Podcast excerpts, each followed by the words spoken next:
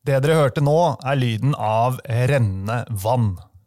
Og hva er noe av det aller mest elementære, men også noe av det viktigste å forstå om vann? Jeg vil si at det er at vannet renner nedover. Men som en eh, god nummer to, hva er det som er ekstremt viktig både for oss mennesker og for planeten når det kommer til vann? Jo, det er at vannet er rent. Så kjære lytter, har du disse to tingene i bakhodet, da er du klar for dagens episode. Vi skal snakke om tilgang på vann, rensing av vann, hvorfor det er viktig, og hvorfor det stadig kommer høyere på agendaen til både myndigheter og bedrifter. Og så skal vi prøve å danne oss et bilde av om en god investering faktisk kan renne nedover.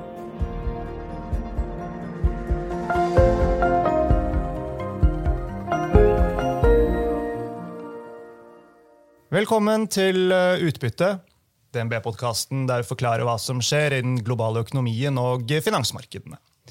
Jeg er Marius Brun eh, Haugen, og med meg har jeg altså forvalterne Audun Vikstrand Iversen og Mikkel Nyholt eh, Smedseng. Velkommen i studio, begge to. Tusen takk. takk. Ja, Audun, deg kjenner de fleste av lytterne våre fra før. Vi har laget mange podkaster sammen etter hvert. Men Mikkel, deg er det første gang vi har med her i uh, utbytte, og det er ikke så veldig rart at det er uh, første gang, for det er ikke så lenge siden du startet i eh, DNB. Så jeg tenkte du får fortelle kort da, om deg selv. altså Hva har du gjort sånn yrkesmessig før du kom hit? Det kan jeg gjøre. Jeg brukte nesten ni år på aksjebenken i Carnegie her i Oslo som analytiker, der jeg fikk dekke et bredt utvalg av sektorer, men hovedsakelig det vi kaller cleantech industrials og renewables.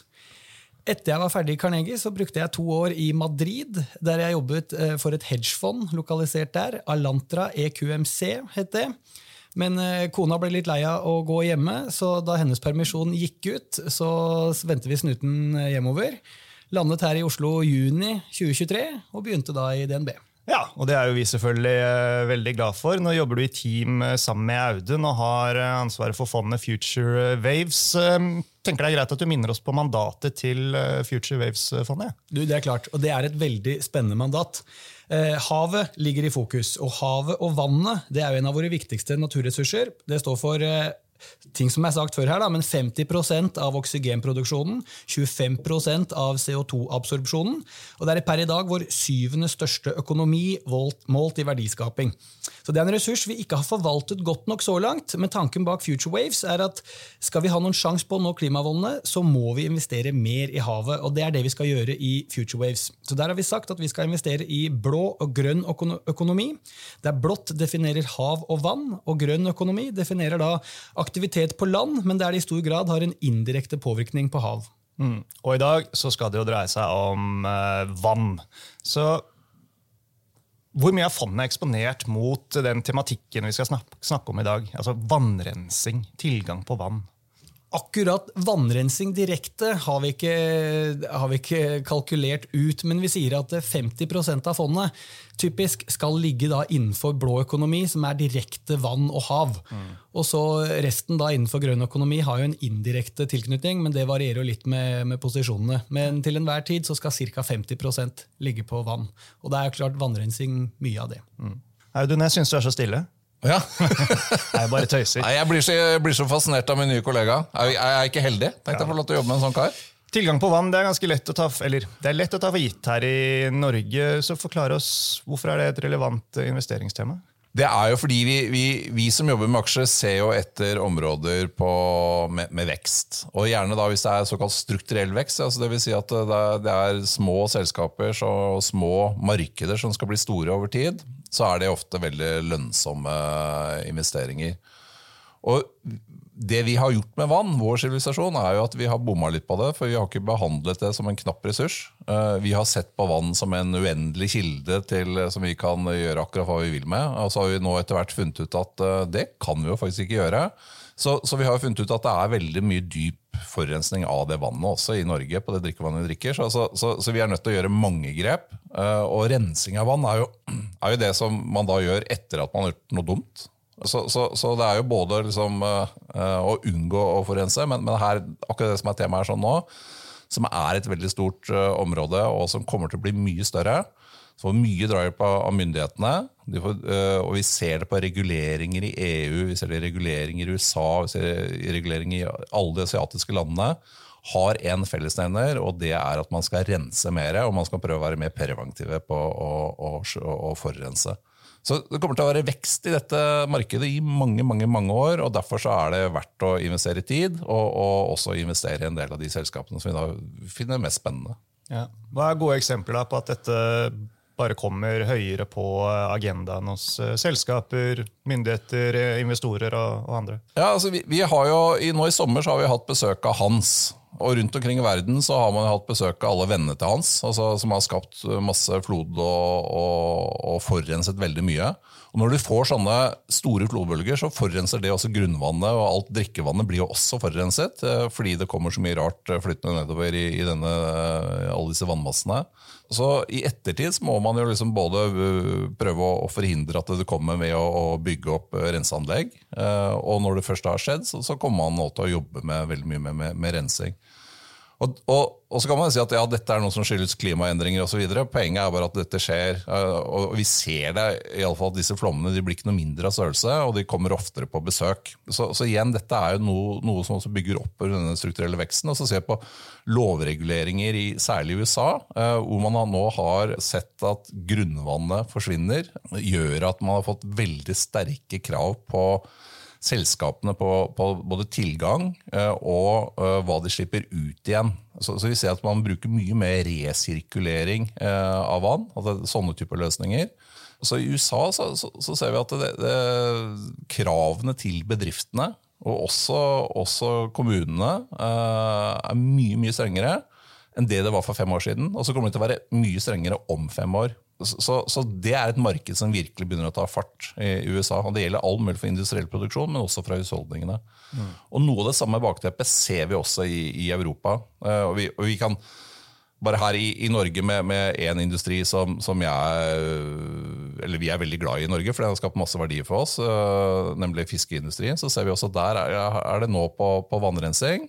Uh, så kommer det jo hele tiden nye krav. Og Kommunene i Tyskland som vi også liksom kommer kanskje til å prate om litt etterpå, opplever også at det er mye strengere reguleringskrav. Så her er reguleringen er, sånn, er en venn for denne industrien. Ja, synes det, er, lett å forstå at uh, dette er riktig og viktig, og at uh, dette kommer. Men uh, Mikkel, det, det, at dette er riktig og viktig, det betyr jo ikke at det er en god investeringsmulighet i dag. Altså, ser vi noe tegn til at det er, det er, det er nå man skal, skal være med? Ja, altså det, det, er jo enkelt å svare ja på det. Det andre svaret er selvfølgelig nei, for eh, det er ikke helt svart-hvitt. Men, men, det er klart at eh, skal vi klare å nå klimamålene våre og nå et nullutslippssamfunn, før det går over ende med, med, kloden, så er vi nødt for å begynne å ta grep allerede nå. Og da er det de selskapene som i dag er der og jakter og jobber for å sikre vann, rense vann, hjelpe oss med, med vannet så er det klart at eh, skal vi få de beste posisjonene, så er det nå vi må være ute og leite. Mm. Og det har vi eh, gjort, dvs. Si det har eh, dere gjort. da. Men eh, vi besøkte bergensbaserte M Westwater sammen i forrige uke. Future Waves har vært investert i aksjen siden selskapet gikk på Aeronex Growth i 2021. Det er en liten investering for fondet, da. det er greit å, å presisere. Men kort, Audun, hva var bakgrunnen for investeringen den gangen? Da var jo ikke Mikkel med. Nei, og, og, og det, De kom jo sammen med en del andre selskaper i den perioden. Det som fascinerte oss da, og som, som jeg også føler vi fikk bekreftet når vi var der borte nå, det er jo at dette er et lite selskap som har en forretningsmodell som er Kall det capital light. Det vil si at de, det, det er ikke så mange store investeringer de skal gjøre utover et laboratorie. Det er lett tilgang på råstoffene som de bruker i sine naturlige produkter. Uh, jo, de lager, lager da ikke-syntetiske produkter for å rense vannet, som, som, som, i seg selv er veldig bra. Og så har de en veldig høy margin. Om den er 60% eller 80% det får, det får nå liksom tiden vise. Uh, som gjør at kombinasjonen av den gjør at hvis de får opp omsetningen, så er det jo veldig god grunn til å tro at den kontantstrømmen som kommer ut av det, som, som er det nøkkelordet for oss investorer, kommer til å bli veldig hyggelig. Mm. Så De har jo fire vertikaler som de jobber veldig mye med. Uh, hver av de vertikalene har et sånn type potensial for dem, tror jeg, kanskje på 50 millioner. sånn røftlig.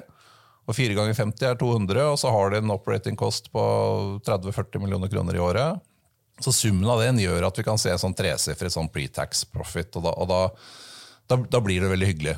Men vi er jo ikke der ennå. Dette, Dette, er jo da røffe estimater, og, og, og, de estimatene og tankene var vel der også når det gikk på børs, at man skulle i den retningen. Og så har de mistet litt. De har kanskje mistet to kvartaler, tre kvartaler i forhold til de, de planene de hadde. Eh, men, men, men, eh, for meg så virker det som selskapet da er, eh, har liksom denne som vi har pratet om tidligere, Marius, denne proof of technology. At mm. den virker. Og så er de der nå kommet ganske langt på det proof of concept, med at de, de får hele økosystemet rundt, med leverandører, samarbeidspartnere, begynt å få en del kunder. Det er ganske mange spennende piloter. Vi skal snakke litt mer om, om uh, disse tingene her. Men uh, når vi var uh, og besøkte de, så, så fikk vi jo ja, et godt innblikk i hvordan de vurderer ting akkurat nå. Og jeg tok en prat med Stein Gillarus, som er sjefen i M Vestvotter. Så bare for at vi har med oss alle lytterne fra begynnelsen, så skal vi høre Stein forklare kort hva de gjør. MS Water er et eh, teknologiselskap som eh, utvikler og produserer og selger miljøvennlige kjemikalier basert på naturlige produkter eh, med tilhørende separeringsutstyr for vann- og slamrensing. Vi erstatter da bruken av syntetiske kjemikalier, og våre produkter og løsninger kan anvendes innen de aller fleste typer vann- og slambehandling. Men vi har konsentrert oss eh, om eh, hovedsakelig de utvalgte industrisegmentene. Olje og gass, akvakultur, kommunalt avløpsvann og dretching. Det siste det er eh, en avmudring av slam som er i, på havbunnen i havner, i elver og i innsjøer.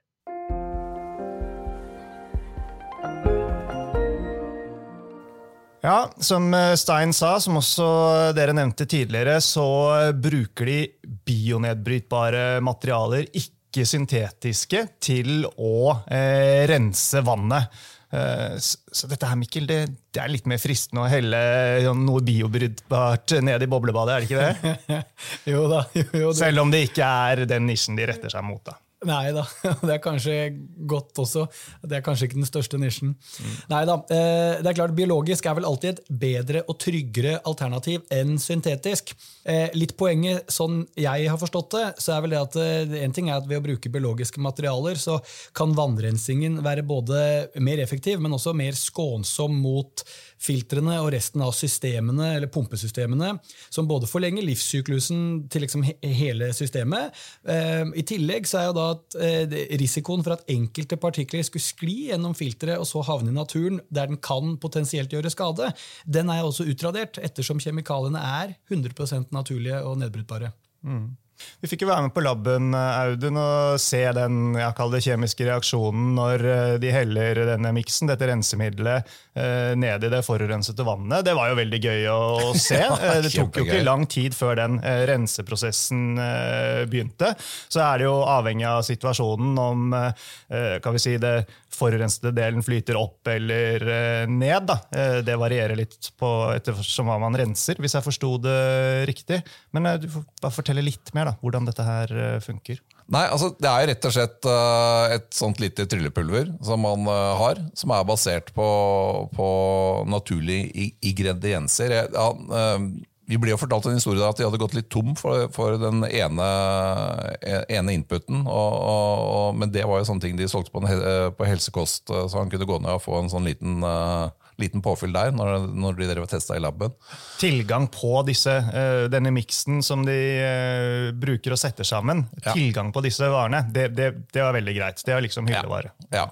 Ikke sant? Og, og, og, det er utrolig viktig. At det er veletablerte markeder og det det er lett tilgang. Så, så da så når de da har den prosessen, og det er der de har eh, kompetansen sin på, på gjennom å, å, det de kalte å, å syre, syre, det ned for, for å låse fast øh, molekylene der, så, så, klarer man da å veldig enkelt bare tilsette det. det. det. blir som å blande saft og vann, og så må du røre litt. Uh, og så har du da fått, uh, som, som, som, du sa, Marius, enten så flyter da det du vil ha ut av vannet, enten opp eller ned.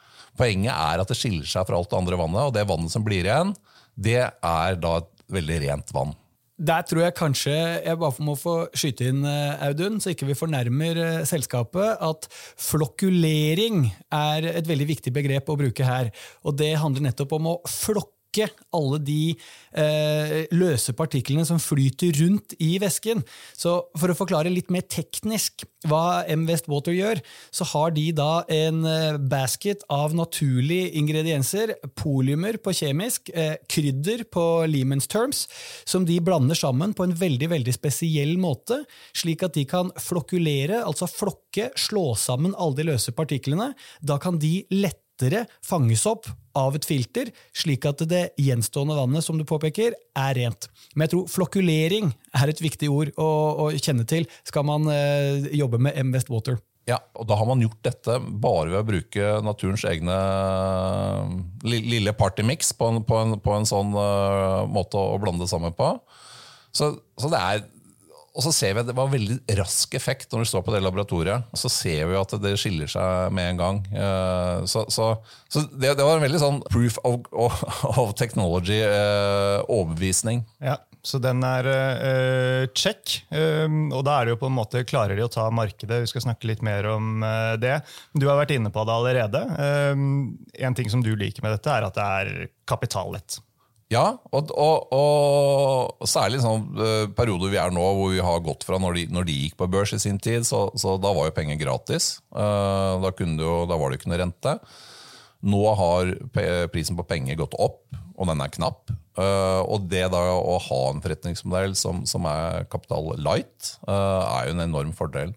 Nå er ikke de der i dag hvor de tjener penger, så vi må også kikke litt på balansen. og det er ikke sånn at de har en veldig sterk balanse. Så, så, så de er jo liksom også litt avhengig av å være i stand til å, å begynne å levere på de produktene. Mm. Men hvis de kommer i en posisjon hvor de får uh, større oppdrag, uh, større og lengre kontrakter, er dette her, er det enkelt å skalere? Ja, og Det var jo et sånt spørsmål som, som, vi alle sammen var veldig opptatt av. når det borte. Sånn, er det, hvis du nå får en stor kontrakt, en ta den største kontrakten i hodet ditt, og så gang det med to. Hva, hva, skjer da? Hvor lang tid tar det? Og da har De også lagd, de kan produsere noe på, i, i, på Flesland, men de har også da uh, sikret seg andre selskaper som er større, som kan gjøre dette på industriell skala med en gang. Så, så, uh, så den kontrakten har de. Det var et selskap i Tyskland uh, som gjør at det, vi ser det, det, vi ofte kaller sånn earnings capacity. altså Hvor mye penger kan det tjene? Uh, og så lenge man kan skalere, så, så, er den brøken veldig hyggelig for sånne selskaper som dette, som da ikke, så kapital, uh, ikke er så veldig kapitalintensivt, og, og har muligheten til å outsource eller sette ut selve produksjonen.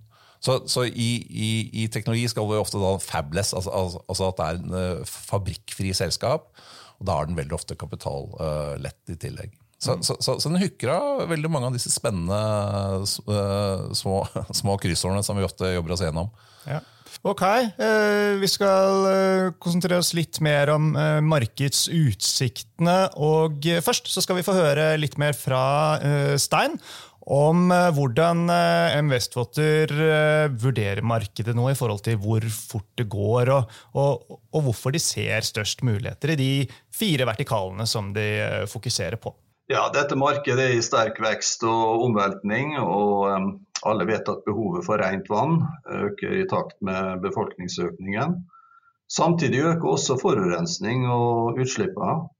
Uh, dette skjer i en tid da verden har blitt uh, bevisst på at våre historiske og nåværende utslipp faktisk inneholder en rekke svært skadelige stoffer uh, for både natur og mennesker. Og miljømyndighetene innfører stadig strengere krav til utslipp i takt med den økte bevisstheten rundt dette.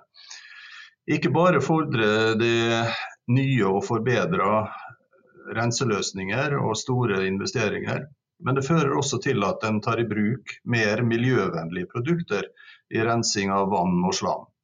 Samtidig har vi en ustabil verdenssituasjon som eh, en ser stor råvareknapphet på, og eh, prisøkningen eh, kommer inn på, på, de tradisjonelle vannrensekjemikaliene, hvilket også driver markedene til å se på andre løsninger. Og andre løsninger det representerer M Water, helt klart. Innføring og innstramninger i regelverket er ofte langdryge prosesser, men vi opplever nå en betydelig akselerasjon, som vi i vesentlig grad også kan tilskrive råvareknappheten og prisøkningene.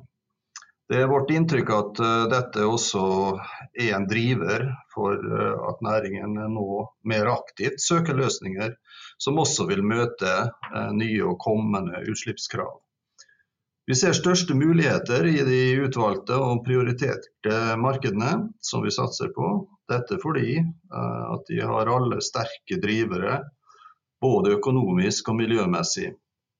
Disse markedene er alle dominerende kjemikaliekonsumenter, og MVS Water har dokumentert konkurransedyktige produkter og løsninger innen disse områdene. Og til slutt, våre produkter og løsninger vil nå være klar for en raskere oppskalering og repetisjon av salgene. De er utprøvd, og de har større grad av standardisering.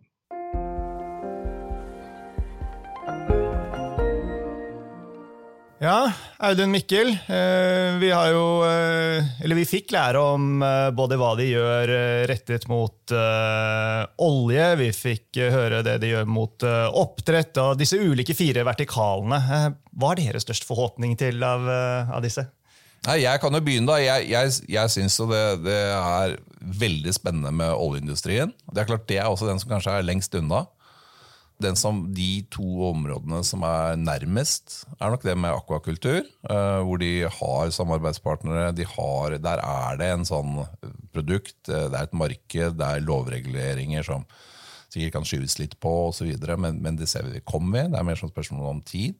Og så er det veldig spennende med alt som har med Tyskland og rensing for kommunen der nede å gjøre. Fordi den er også drevet av et lovpålegg. Og da er det sånn at hvis du ikke, hvis du ikke holder deg til loven, så skjer det mye rart med, med både kommuner og, og, selskaper. I verste fall så er det jo da et forbud mot forretningsmodellen din, eller en aktivitet som er knyttet til det.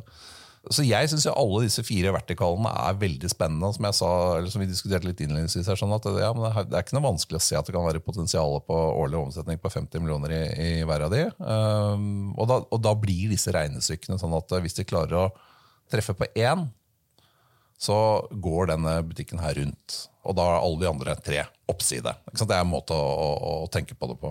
Mm. Da For å være helt sånn konkret uh, til lytterne på et av eksemplene du nevnte. altså Innenfor uh, oppdrett uh, så er det blant annet, ser de muligheter mot lakseslakteriene. fordi at her kommer det utslippskrav fra desember 2023. og Da har de ett år på å implementere en løsning, da, slik det ser ut i dag. og det gir jo grunnlag for mye av eh, optimismen. Her er det bl.a. rensing på slakteriene av blodvann som det ja. handler om.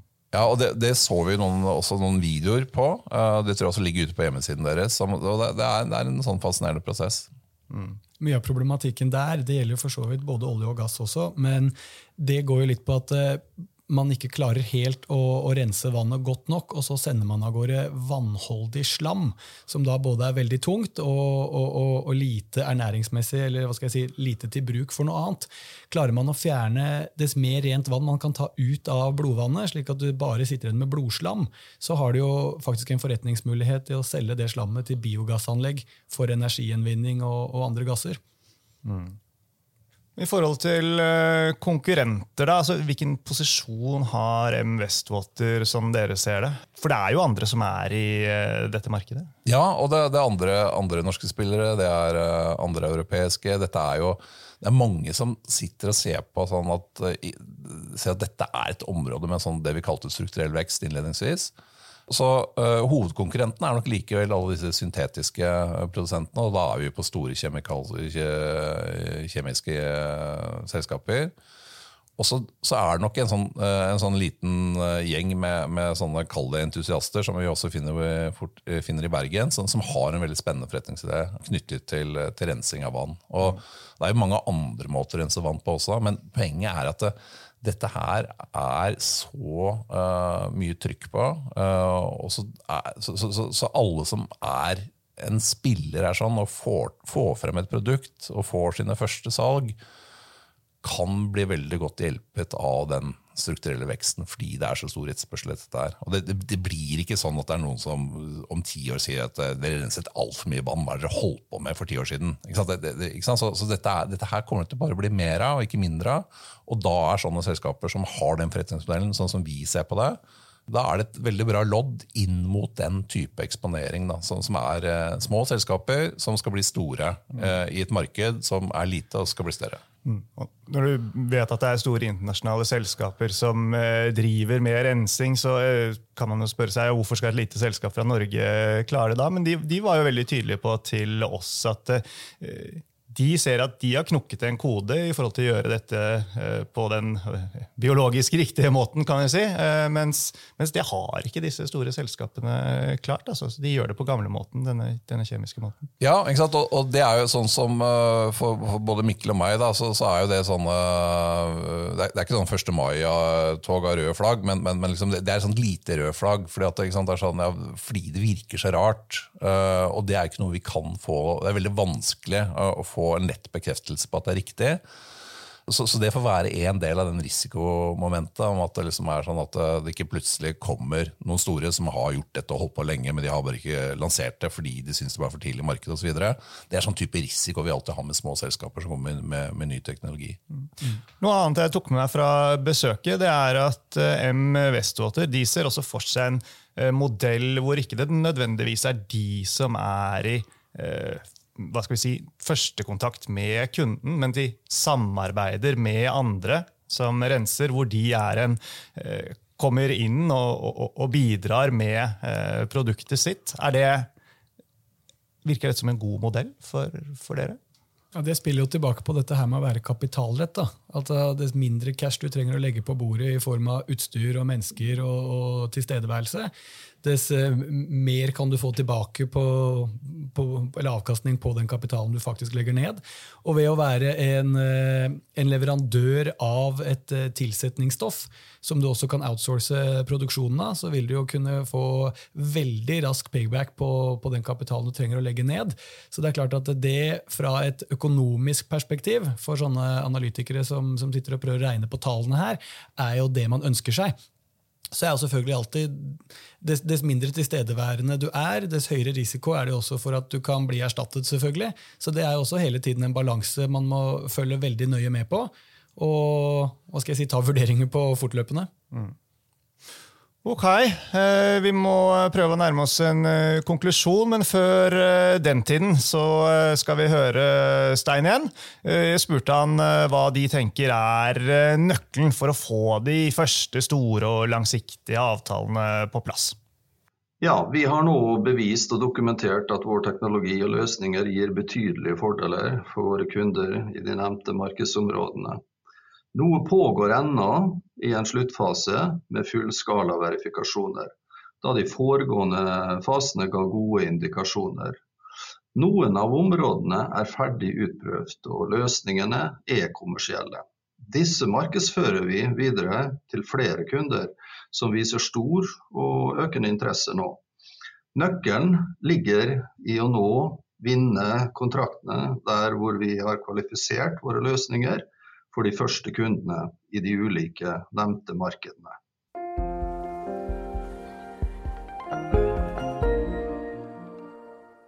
Ja, Audun og Mikkel, hva tenker dere? Hvor nærme er de eh, det vi kan kalle kommersialisering?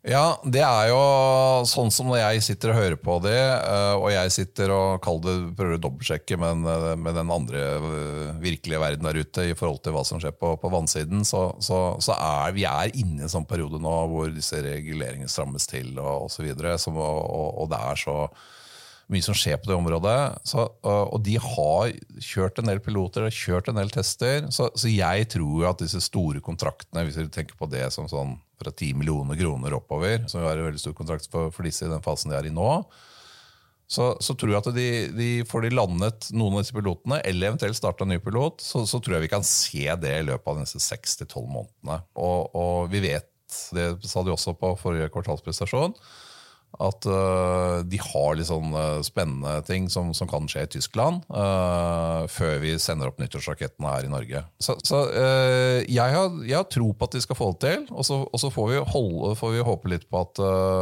de pengene de har, som de også har Vi diskuterte veldig mye hvordan de bruker penger og osv. At, at de holder inn til at de får disse kontraktene.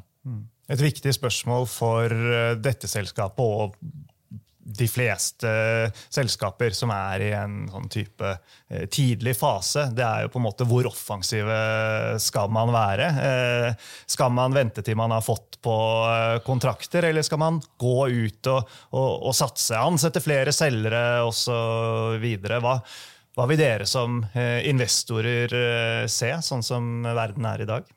Der er jo svaret på Fordi vi, vi er jo mennesker, vi òg. Og, og, vi blir jo preget av uh, usikkerhet osv. Så, videre. så hadde du spurt meg for to år siden når det gikk på børs, jeg sagt at uh, gønn på. Uh, fordi at det er viktig at dere er ute og, og, og, tar de posisjonene. Nå er det litt sånn grab land uh, i så tidlig fase.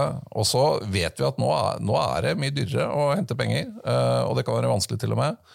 Så, så, nå vil jo budskapet være prøv å, å, ikke hente penger, og så bare sikre deg at man, man kommer i en posisjon hvor man, hvor man, har en inntjening som man kan vokse organisk på. Så, så, de rådene er jo også litt, de er ikke akkurat tidløse, for det er to veldig forskjellige råd. Eh, men jeg tror der vi er nå, i forhold til eh, prisen på penger, så tror jeg det er veldig lurt å, å ikke være så offensiv på å hive på flere selgere. Mm. Ok, Mikkel, Hvis vi skal prøve å konkludere. Eh, vannrensing er eh, viktig. Det kommer. Eh, timing i forhold til investering det er alltid vanskelig. Det vet vi. Hva er det som må til for at markedet og investorene vil prise et selskap som Westwater betydelig høyere enn det man gjør i dag? Selskaper i tidlig fase, sånn som M Westwater, prises veldig ofte på, på vekst. Og da må man vise til vekst før man får multipler. Det sier seg selv. Sånn at eh, i hvert fall i en tid der penger blir dyrere og dyrere, og, og avkastningen på, på, aksjer ser ut til å strammes litt inn, så skal denne aksjen her begynne å gå, så må selskapet levere på, på, de pilotene de nå har gående. Og vi kan se at de materialiserer seg fra småskala til mediumskala til storskala. Og da vil eh, forhåpentligvis investorene følge etter. Så når vi snakker sammen igjen om noen år, Audun, eh, vil vi da kunne slå fast at en god investering faktisk kan renne nedover? ja, det var, det var, litt tricky her, altså. Men uh ja, men eh, det, ja, den, eh, den, kan vel gå Dette, dette er selvsagt gå begge veier. Jeg, jeg vil, hvis, vi, hvis, jeg skal tippe, så tror jeg at, at vi vannet også kan renne oppover. Ok, Vi får la det bli siste ord. Vi runder av der. Tusen takk til dere begge for at dere var med. Takk også til Stein Giljarhus fra M Westwater. Og sist, men ikke minst, tusen takk folkens til alle dere som hørte på.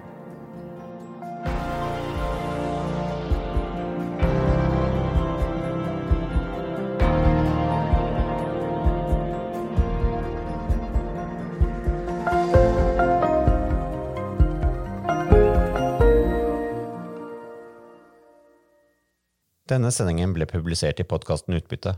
Innholdet i sendingen er å anse som markedsføringsmateriale fra DNB og er ment å være generell spareveiledning. Sendingen skal ikke oppfattes som et tilbud om å kjøpe eller selge finansielle instrumenter, eller som investeringsrådgivning tilpasset den enkelte investors situasjon. En investor som har behov for råd eller har spørsmål og informasjon som gis, bør kontakte en finansrådgiver. DNB påtar seg ikke noe ansvar verken for direkte eller indirekte tap som følge av innholdet i sendingen legges til grunn for eventuelle investeringsbeslutninger. Husk at historisk avkastning aldri er noe garanti for fremtidig avkastning. Avkastningen kan bli negativ som følge av kurstap. Bruk av prognoser for å beregne fremtidig avkastning er heller ingen garanti for fremtidig avkastning. Innholdet i sendingen bygger på informasjon fra offentlig tilgjengelige kilder som DNB ser på som pålitelige, men som ikke er uavhengig verifisert. Følgelig gir DNB ingen garanti i forhold til nøyaktighet og fullstendighet. Alle uttalelser her reflekterer DNBs, den enkelte ansatte, eller andre tredjeparts vurderinger på tidspunktet for den aktuelle sendingen, og kan i ettertid endres uten nærmere beskjed. Ytterligere informasjon om bl.a. kildebruk og interessekonflikter er tilgjengelig på dnb.no skråstrek invest, bindestrek disklemer.